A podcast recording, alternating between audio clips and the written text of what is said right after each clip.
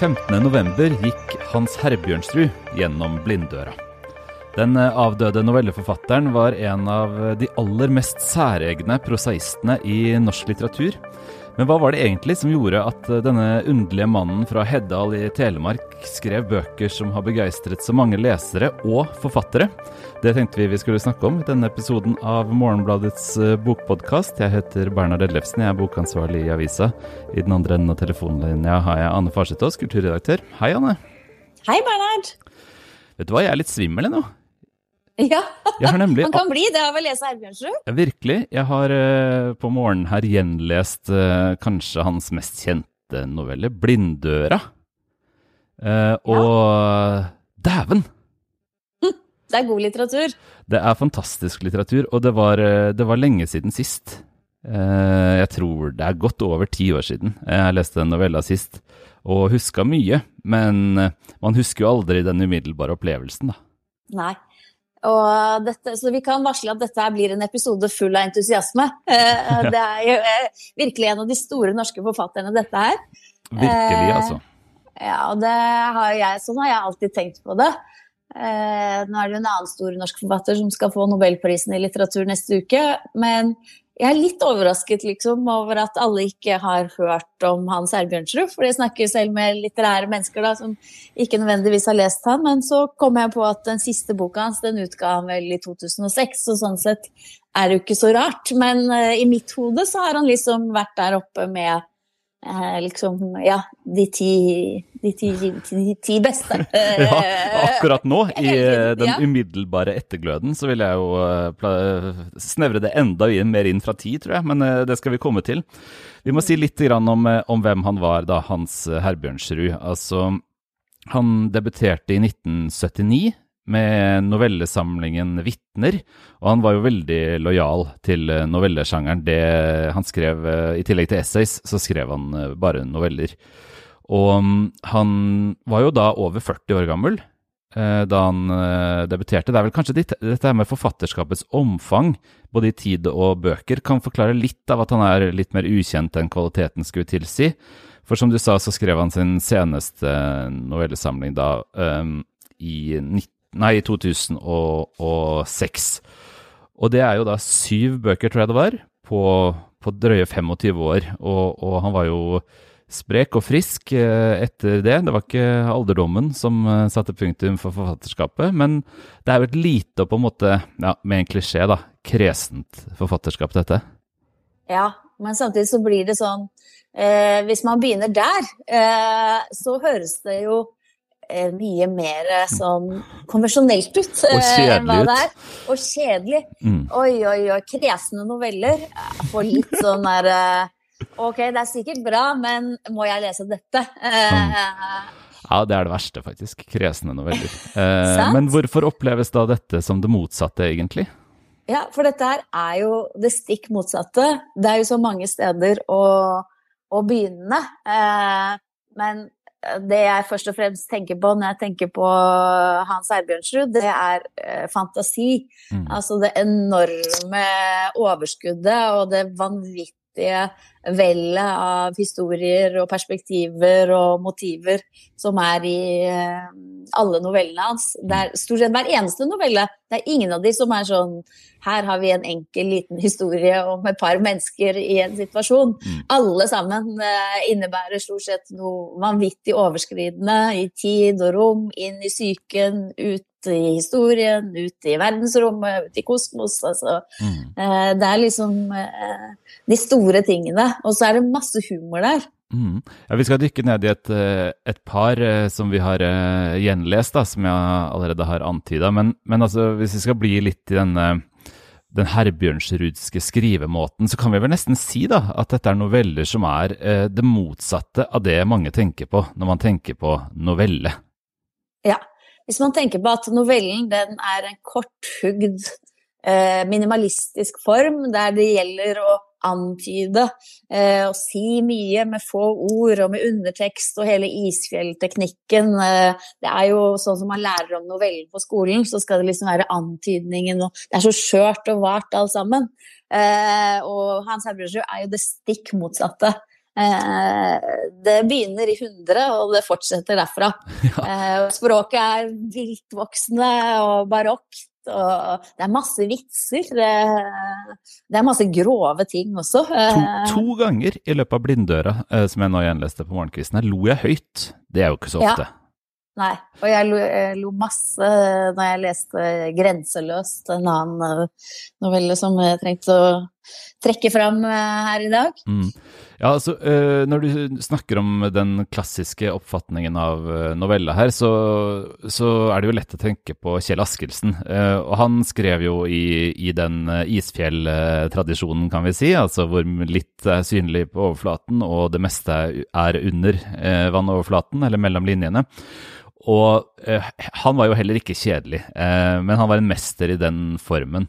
Og det er jo interessant på en måte at i etterkrigstiden så har vi to sentrale novelleforfattere, to eh, som var veldig forplikta på den formen, og som da skrev i hvert sitt eh, på en måte spor. Eh, så vi har på en måte én mester i hver variant av novella. Én ja. ekspansiv gærning i Hans Herbjørnsrud, og en sånn finskåren og ja, isfjellmester. For de var jo mm. liksom gode begge to, selv om det er. Veldig gode. Ja, noen, eh, Når man eh, leser anmeldelser av Hans Erbjørnshus, så er det ofte magisk realisme mm. koblet på, som var eh, en stor ting da han debuterte. Det er ikke helt gærent, det, for det er både mye magi og mye som er overskrider realismen der. Men han sa jo også selv at når man er samtidig med en så sterk novelleforfatter som Askildsen, så har man i hvert fall et insentiv til å finne sin egen ting. Mm. Eh, og at eh, altså det er vanskelig å tenke seg to forfattere skrive mer ulikt innenfor eh, novellesjangeren, eller hva sier du om ja. forholdet mellom de to? Ja, eh, Før vi dykker litt inn i tekstene, så er det fristende å, å fortelle om mitt eneste møte med Hans Herbjørnsrud. Da, for det, det, har faktisk med Askildsen å gjøre. Um, Herbjørnsrud var jo en aktiv person i litteraturmiljøet. Uh, han var veldig, veldig hyggelig uh, og sjenerøs.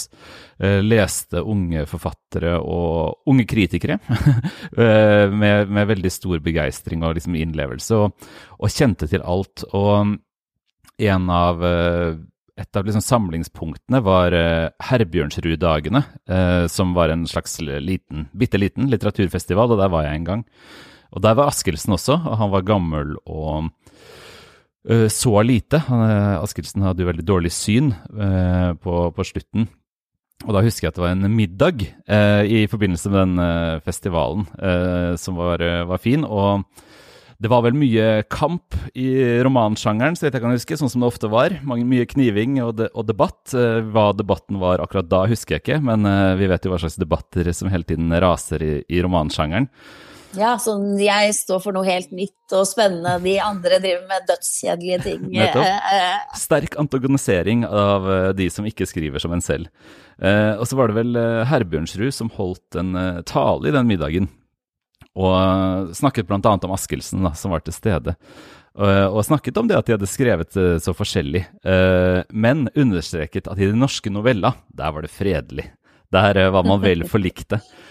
Eh, og så på slutten av middagen så, så husker jeg at eh, Herbjørnsrud geleida Altså, Askildsen så ikke så mye, som sagt. Geleida liksom Askildsen ut.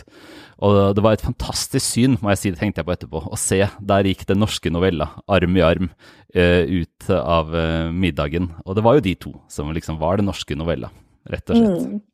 Og det var fredelig, en fredelig sameksistens, da, der man sto på hver sin side av mm. uh, grensene og hadde de klart for seg, kanskje. Ja, ja, absolutt. Uh, og en veldig gjensidig respekt fikk jeg jo da uh, inntrykk av mellom de to. Men hvis vi skal Altså, vi kan, vi kan hva, tenk, altså, hva, slags tematiske spor tenker du på da, når vi snakker om Herbjørnsrud? Hva, hva hvilke tematiske elementer er det som på en måte uh, drar forbi ditt indre blikk når jeg sier Hans Herbjørnsrud? Ikke sant. Det er jo så mye. Altså, det er liv og død, det er historien. Det er eh, skjeletter i skapet som faller ut av skapet, både i konkret og fysisk forstand. Uh, det er morbide saker. Det er døde og vanskapte skapninger, både i det indre og det ytre. Det er store overskridelser. Det er folk som går fra vettet. Det, det, skjer så mye der. Vi vet så mye, er en boktittel han, men i tillegg til at det skjer mye på det indre planet, så skjer det sannelig meg mye på det ytre planet også. Hva tenker du på? Ja, det er veldig, veldig actionfylt, ja. Og så er det dette spennet da, mellom gården Han, uh, han var jo kjent som en forfatterbonde, selv om jeg ikke vet noe som helst om hvor aktiv han var i bondeyrket. Men altså at han bodde på gård, det er jo veldig, veldig viktig, og hjemstedet er veldig viktig. Um, han bruker jo det som springbrett. Det, det er jo altså, Har vel kalt det for fiksjonalisert selvbiografi. Det er antagelig, og forhåpentligvis, sterkt fiksjonalisert. Men dette spennet mellom hjemstedet i Telemark og Europa er jo veldig viktig. Kaja Skjerven Målerin sier i en sak i denne ukas avis at, at den gården på en måte ligger i Europa like mye som i, i Telemark, og det er veldig godt uh, sett og sagt. Uh, og han ja. antydet jo også selv i, i litteraturen, uh, rett og slett. Så det spennet mellom det store og det nære er veldig viktig, tenker jeg. Ikke sant? Ikke bare antydet. På Gamletun i Europa er en av titlene på en av novellene. Ja, som jeg ser blir mye brukt nettopp for å oppsummere denne. For å oppsummere den, og Skjerve Maleriens bok kan veldig anbefales. Den er en veldig god monografi. Mm. Um, og, men denne gården, ikke sant, den er det litterære teatret hans, sier han eh, også mange steder. Mm. Og han har en eh, fin novelle som er også ganske kort, 'Grenseløst', som eh, skildrer eh, veldig mye hvordan han bruker eh, gården sin. Jeg sier litt om det, da. Hva slags, ja. hva slags novelle er 'Grenseløs'? Ja, eh, er, Der er det helt eksplisitt at det er forfatteren og bonden Hans Erbjørnshus som skriver. Den første setningen er 'Jeg skriver risikabelt tett på mitt eget liv'. Mm. Og noe som også er gøy å tenke tilbake, er du vet, før virkelighetslitteratur og Knausgård og alt dette her, så snakka man også om en uh, tematisk tendens mot at forfattere brukte sitt eget liv. Altså på 80- og 90-tallet så postmodernismen er kanskje begrep og metafiksjonen som har gått litt uh, av moten, mm. men det var jo veldig mange som holdt på med det da, og da var Hans Herbjørnsrud en av de man alltid snakket om. Hvor mye er sant i litteraturen hans fra mm. denne gården? Mm. Og det tar denne Det er en, også en sånn novelle om eh, forhold mellom sannhet og fiksjon.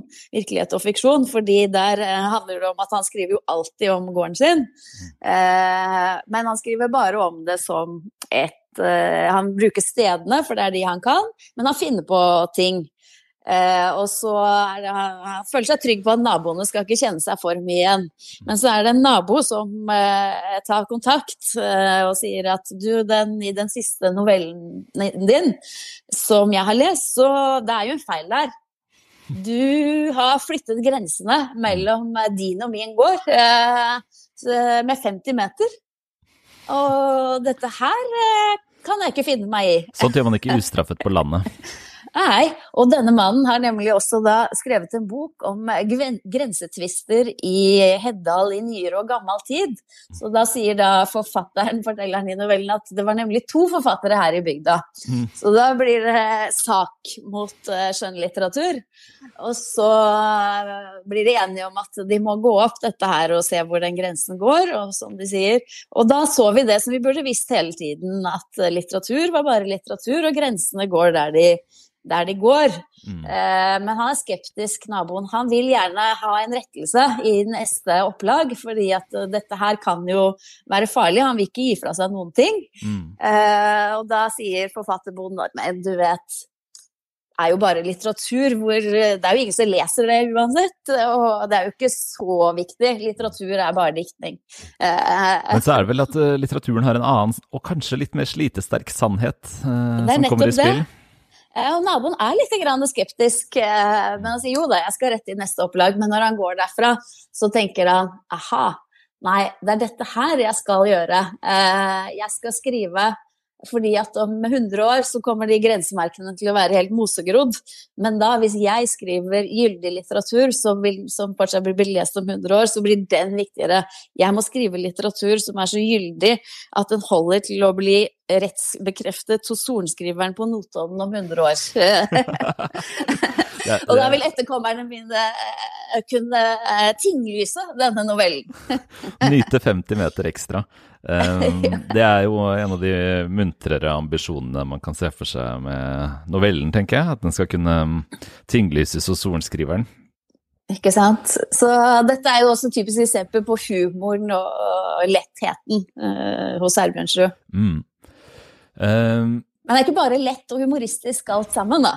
Nei, det er jo ikke det. Og det er jo en vill kombinasjon. Uh, nesten inni Inni avsnitt kan man gå fra det utrolig lattervekkende og overraskende til det helt uh, mørkeste. Sånn er det virkelig i Blinddøra, som jeg nevnte innledningsvis her. Ja, hva, Du satt og lo på morgenkvisten der. Hva var det du lo av? lo av mye. Altså, 'Blinddøra' er jo nesten en kortroman, vil jeg si. Det er jo en, en lang novelle. 80 eh, sider fyller den i i boken som bærer dens tittel. Og den boken har jo, har vel, hvis ikke jeg husker feil, tre noveller, uh, så den er lang. Uh, og har ikke noe novelletempo, på en måte. Altså Den går veldig rolig frem. Det føles som en lang tekst man skal lese. Den er ganske tett også, så den, det tar litt uh, tid, på en måte. De 80 sidene fyller, fyller, seg selv. og det handler jo om da en eh, person på en gård, født i 1938, eh, skjønner vi, av eh, kronologien. Så det er jo igjen i en sånn nært på forfatterens situasjon, som har tilkalt en låsesmed for å hjelpe han å låse opp en, en kiste som det er noen papirer i som han vil ha, ha fatt i.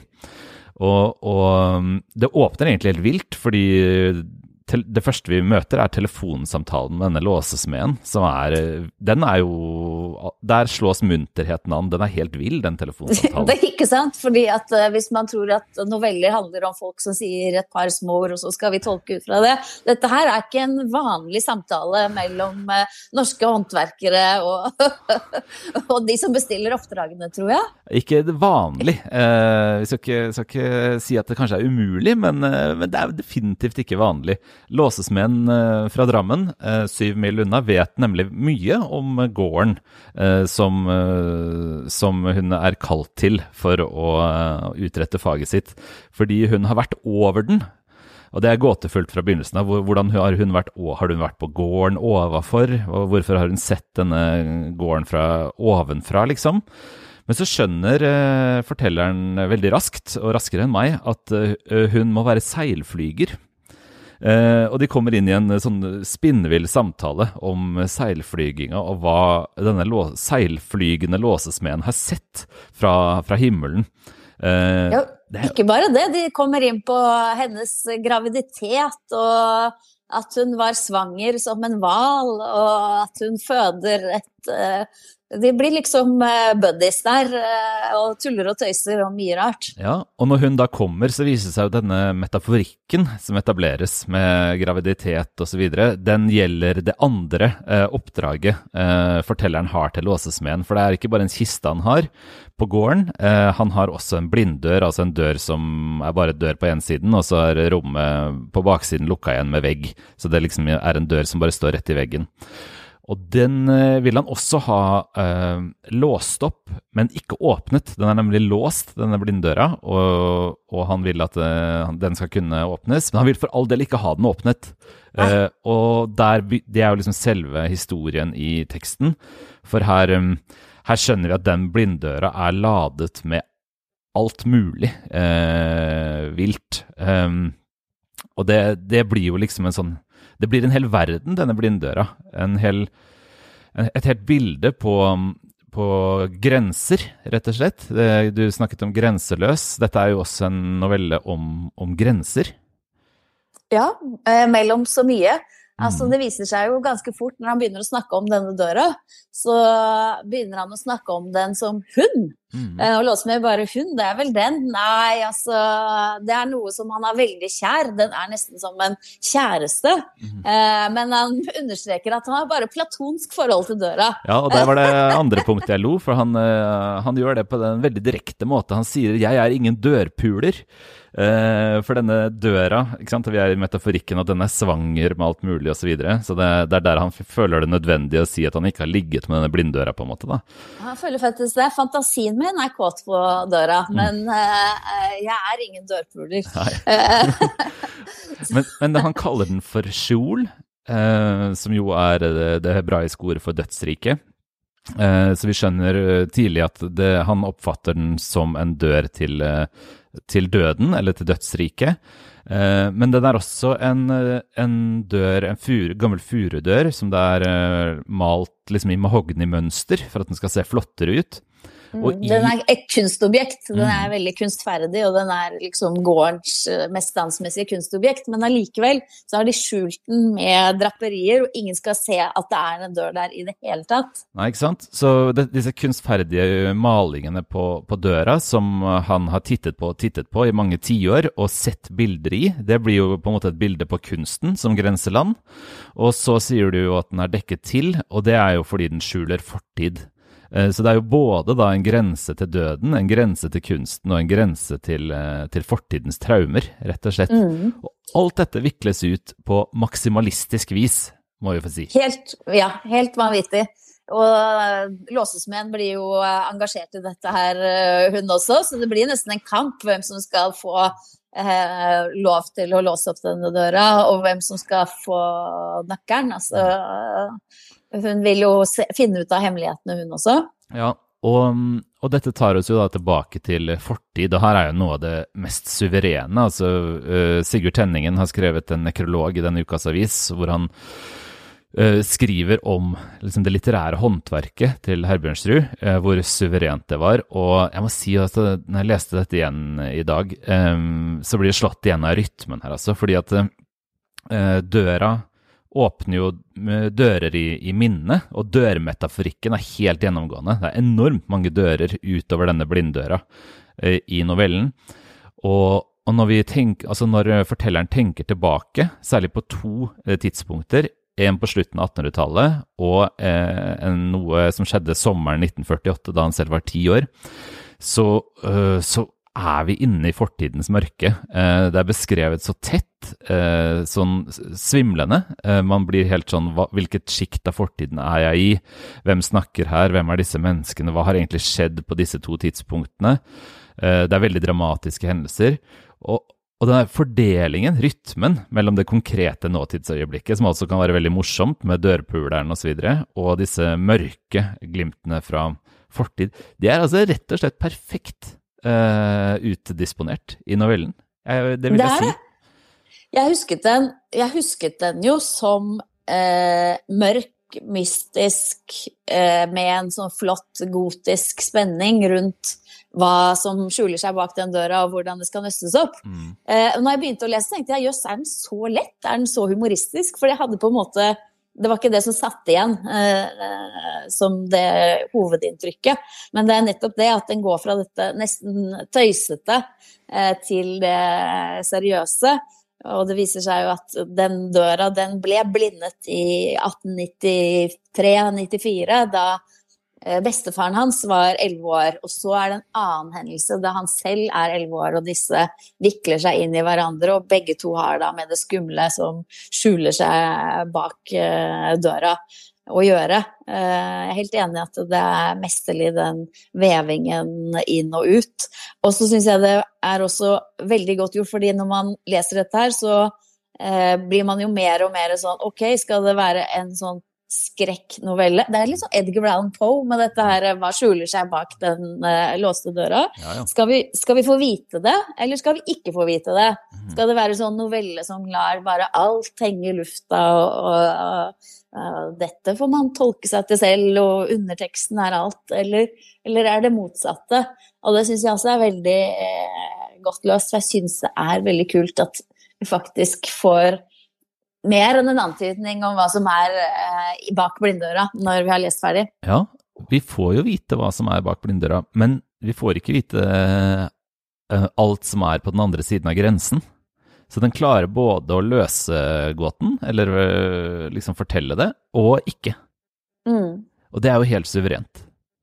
Det er veldig suverent gjort, ja. Og så er jo også denne novellen et, eh, et uh, eksempel på noe som er um, tema i, uh, i, saken vi har laget, hvor vi snakke, har snakket med um, flere forfattere om, om, deres forhold til Herbjørnsrud. Altså den ufattelige billedrikdommen og, og det metaforiske drivet i teksten. Altså et tre kan være et stearinlys og stå igjen som en rykende veke etter at bladene har blåst av. Uh, altså, det føles nesten fra starten av som en sånn overdrive, uh, hvor, hvor, språket liksom er Overlessa er det ikke, men at det er sånn pumpa opp uh, på en måte som gjør at alt blir underlig. Mm. For det er jo både så adjektivrikt så metaforrikt, og så billedrikt som man nesten kan forestille seg det, rett og slett. Ja, helt enig. Og uten at det blir plumpt eller dumt. Så samtidig så dette her eh, liksom maksimalistiske og vanvittige, det er også da ikke sant, Det er jo en slags normal norsk virkelighet på, i Telemark vi snakker om her. Mm. Og en normal låsesmed fra Konnerud utafor Drammen. Men hun er til og med helt outrert vanlig, står det. Mm. Hennes, eh, så vanlig er hun at det blir helt outrert, det også. Ja. Og når hun løper over tunet eh, etter å ha ja, Vi skjønner jo på en måte at hun ikke har klart å motstå fristelsen. Hun har åpna blinddøra, og hun beinflyr eh, fra gården så er beina hennes som bowlingkjegler som uh, liksom dundrer ned når de har blitt uh, truffet av kula. Uh, det er jo en liksom Men samtidig er hun med, da. Hun, hun, reagerer jo ikke på en måte som ødelegger novellas spenning. Hun er seilflyger. Hun er jo en, en som ser ting ovenfra. Så hun, mm. hun er nok med til at, til at novella holder sammen. Mm. Og så er det liksom dette med den ytre og den indre spenningen. For som du sa, det, døra blir jo et bilde på et kunstverk, og det er ikke måte på hvor mange fantasier denne mannen har rundt den døra. Det er både romantiske, platonske fantasier. Han har jo kledd seg naken foran denne døra. Mm. Eh, og altså eh, Det er jo også veldig sånn tema hos Herbjørnsrud, da selve fantasien på godt og vondt. Altså eh, I mange av novellene hans så er det jo det er ikke bare en hyllest til fantasien. Det her kan jo grense til fullstendig galskap og gjøre folk helt vanvittige. Mm. Eh, men det er jo veldig sånn her ja, hva man, klarer, hva man skaper i sitt sinn. Eh, og alle de irrgangene i historien som Det har sikkert skjedd noe på denne gården, men hvor mye av det som er skapt av fortellerens egen fantasi, det, vi, det kan vi jo ikke, det kan vi ikke vite. Nei, det er jo noe med jordingen i realisme og, og flukten til fantasien som Herbjørnsrud kombinerer på en måte som overskrider eh, sånne konvensjonelle motsetninger mellom fantastisk litteratur og realistisk litteratur. Altså eh, jeg har lest uh, altså kritikk av den realistiske litteraturen som sier at uh, i den er det ikke rom for noe som er plutselig. Altså at den realistiske litteraturen i f.eks. Tsjekhov eller altså andre som er opptatt av det, det veldig liksom, sosiale spillet, der, der, må det være alminnelig uh, for å få plass. Hvis, hvis, det skjer noe plutselig, så går det over til å bli noe trivielt, noe sjangermessig, noe først og fremst underholdende. Nå er jeg ikke enig i det, men det er en etablert motsetning. Det mm. som skjer her, er jo at um, fantasien kommer inn på en måte som gjør at vi aldri rykkes over i et sånt rent fantastisk univers. Vi rykkes aldri over i noe bare eventyrlig. Uh, det er helt bundet til gården, til uh, fortiden, til det mennesket som forteller. Altså, han, har, han, klarer å knytte det fantastiske fast i noe på en, mm. uh, på en måte som er helt egenartet. Mm, jeg er enig. Og det gjelder vel egentlig nesten alle novellene hans. Jeg har til gode å lese en som jeg har tenkt uh, Nei, den var uinteressant på alle måter. Hvorfor uh, tror du det da er sånn at uh, Vi har jo snakket litt om at det er en stund siden forrige bok, og det er noen enkle dynamikker i spill, selvfølgelig. men så, så, er det jo likevel tilfellet at Herbjørnsrud ikke er blant de mest leste norske forfatterne. Og når man dykker ned i det igjen og blir påminnet om kvalitetsnivået, så, så er jo det rart, eh, rett og slett. I, I, vår sak i denne ukas avis er det også snakk om at han ikke har så mange litterære etterfølgere. Altså det er ikke så mange som skriver som han. Hva hva tenker du om, om de to uh, situasjonene, på en måte? Det er jo riktig, ja. Uh, han har på en måte ikke dannet noe skole. Mm. Så han har ikke folk som holder han oppe på den måten gjennom å vise til han hele tiden. Eh, samtidig må jeg si at jeg syns det, det, er litt rart han ikke er en større referanse gitt kvaliteten og gitt eh, det på en måte stadig tilbakevendende ønsket om at det skulle vært mer fantasi, mer humor, mer overskridelse, mer internasjonale perspektiver i norsk litteratur, siden alle de tingene uh, er hos Hans Gjermundsrud. Ja. Uh, Nei, på, på begeistringsrusen uh, så vil jeg jo si at dette holder, holder helt internasjonalt nivå, da. Og, og um, at det er det, det, er lett Altså, det, han har noen etterfølgere. Uh, den norske novella på en måte lever jo videre, og kanskje mer i hans eh, fotspor enn eh, en i Askildsen. F.eks. Ingvild Rishøi er jo en som, som, holdt han høyt. Mikkel Bugge snakker om han, osv. Det kan uh, finnes enkelteksempler hvor det i hvert fall finnes uh, relasjoner litterært. men det er så bra. Eh, rett og slett. Eh, det er, det er nærliggende å tenke at det, liksom, det må dukke opp igjen. Eh, både hos leserne og kanskje hos eh, sorenskriveren på Notodden. ja, det kan det jo definitivt fortsatt gjøre. At mm. forfatteren er død er ikke noe hindring for det. Så tenker jeg også at eh, internasjonalt Han er ikke veldig mye oversatt. Han er oversatt til tysk blant annet. Og så er det enkeltnoveller som er oversatt til engelsk.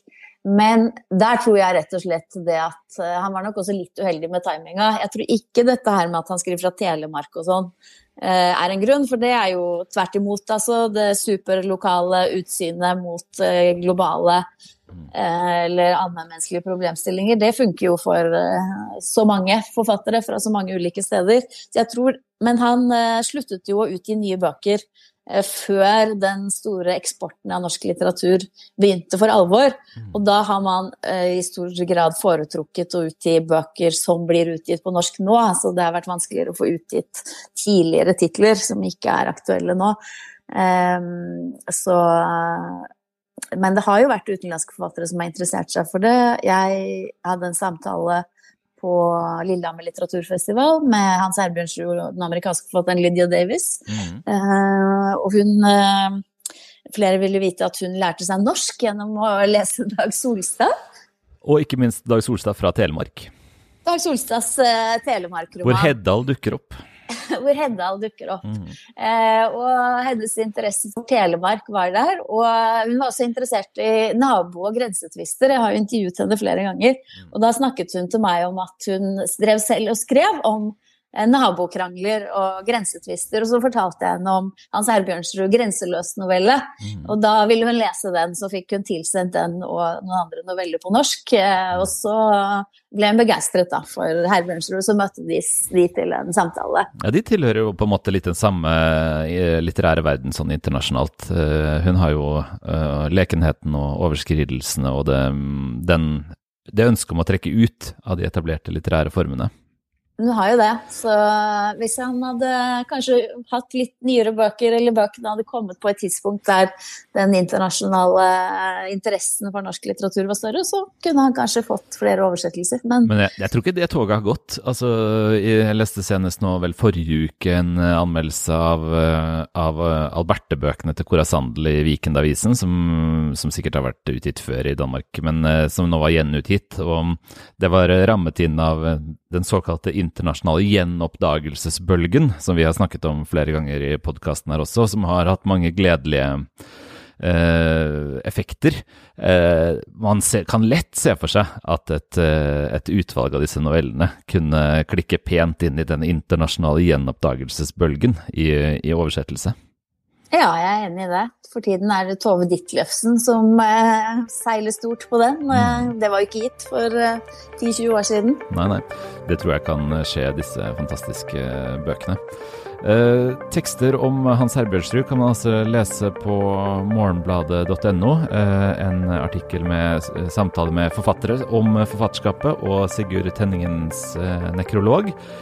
På morgenbladet.no så kan man også abonnere på avisa, det håper vi du vil gjøre. Og på morgenbladet.no podkast finner man eh, søsterpodkastene våre, politikk og økonomi og kultur.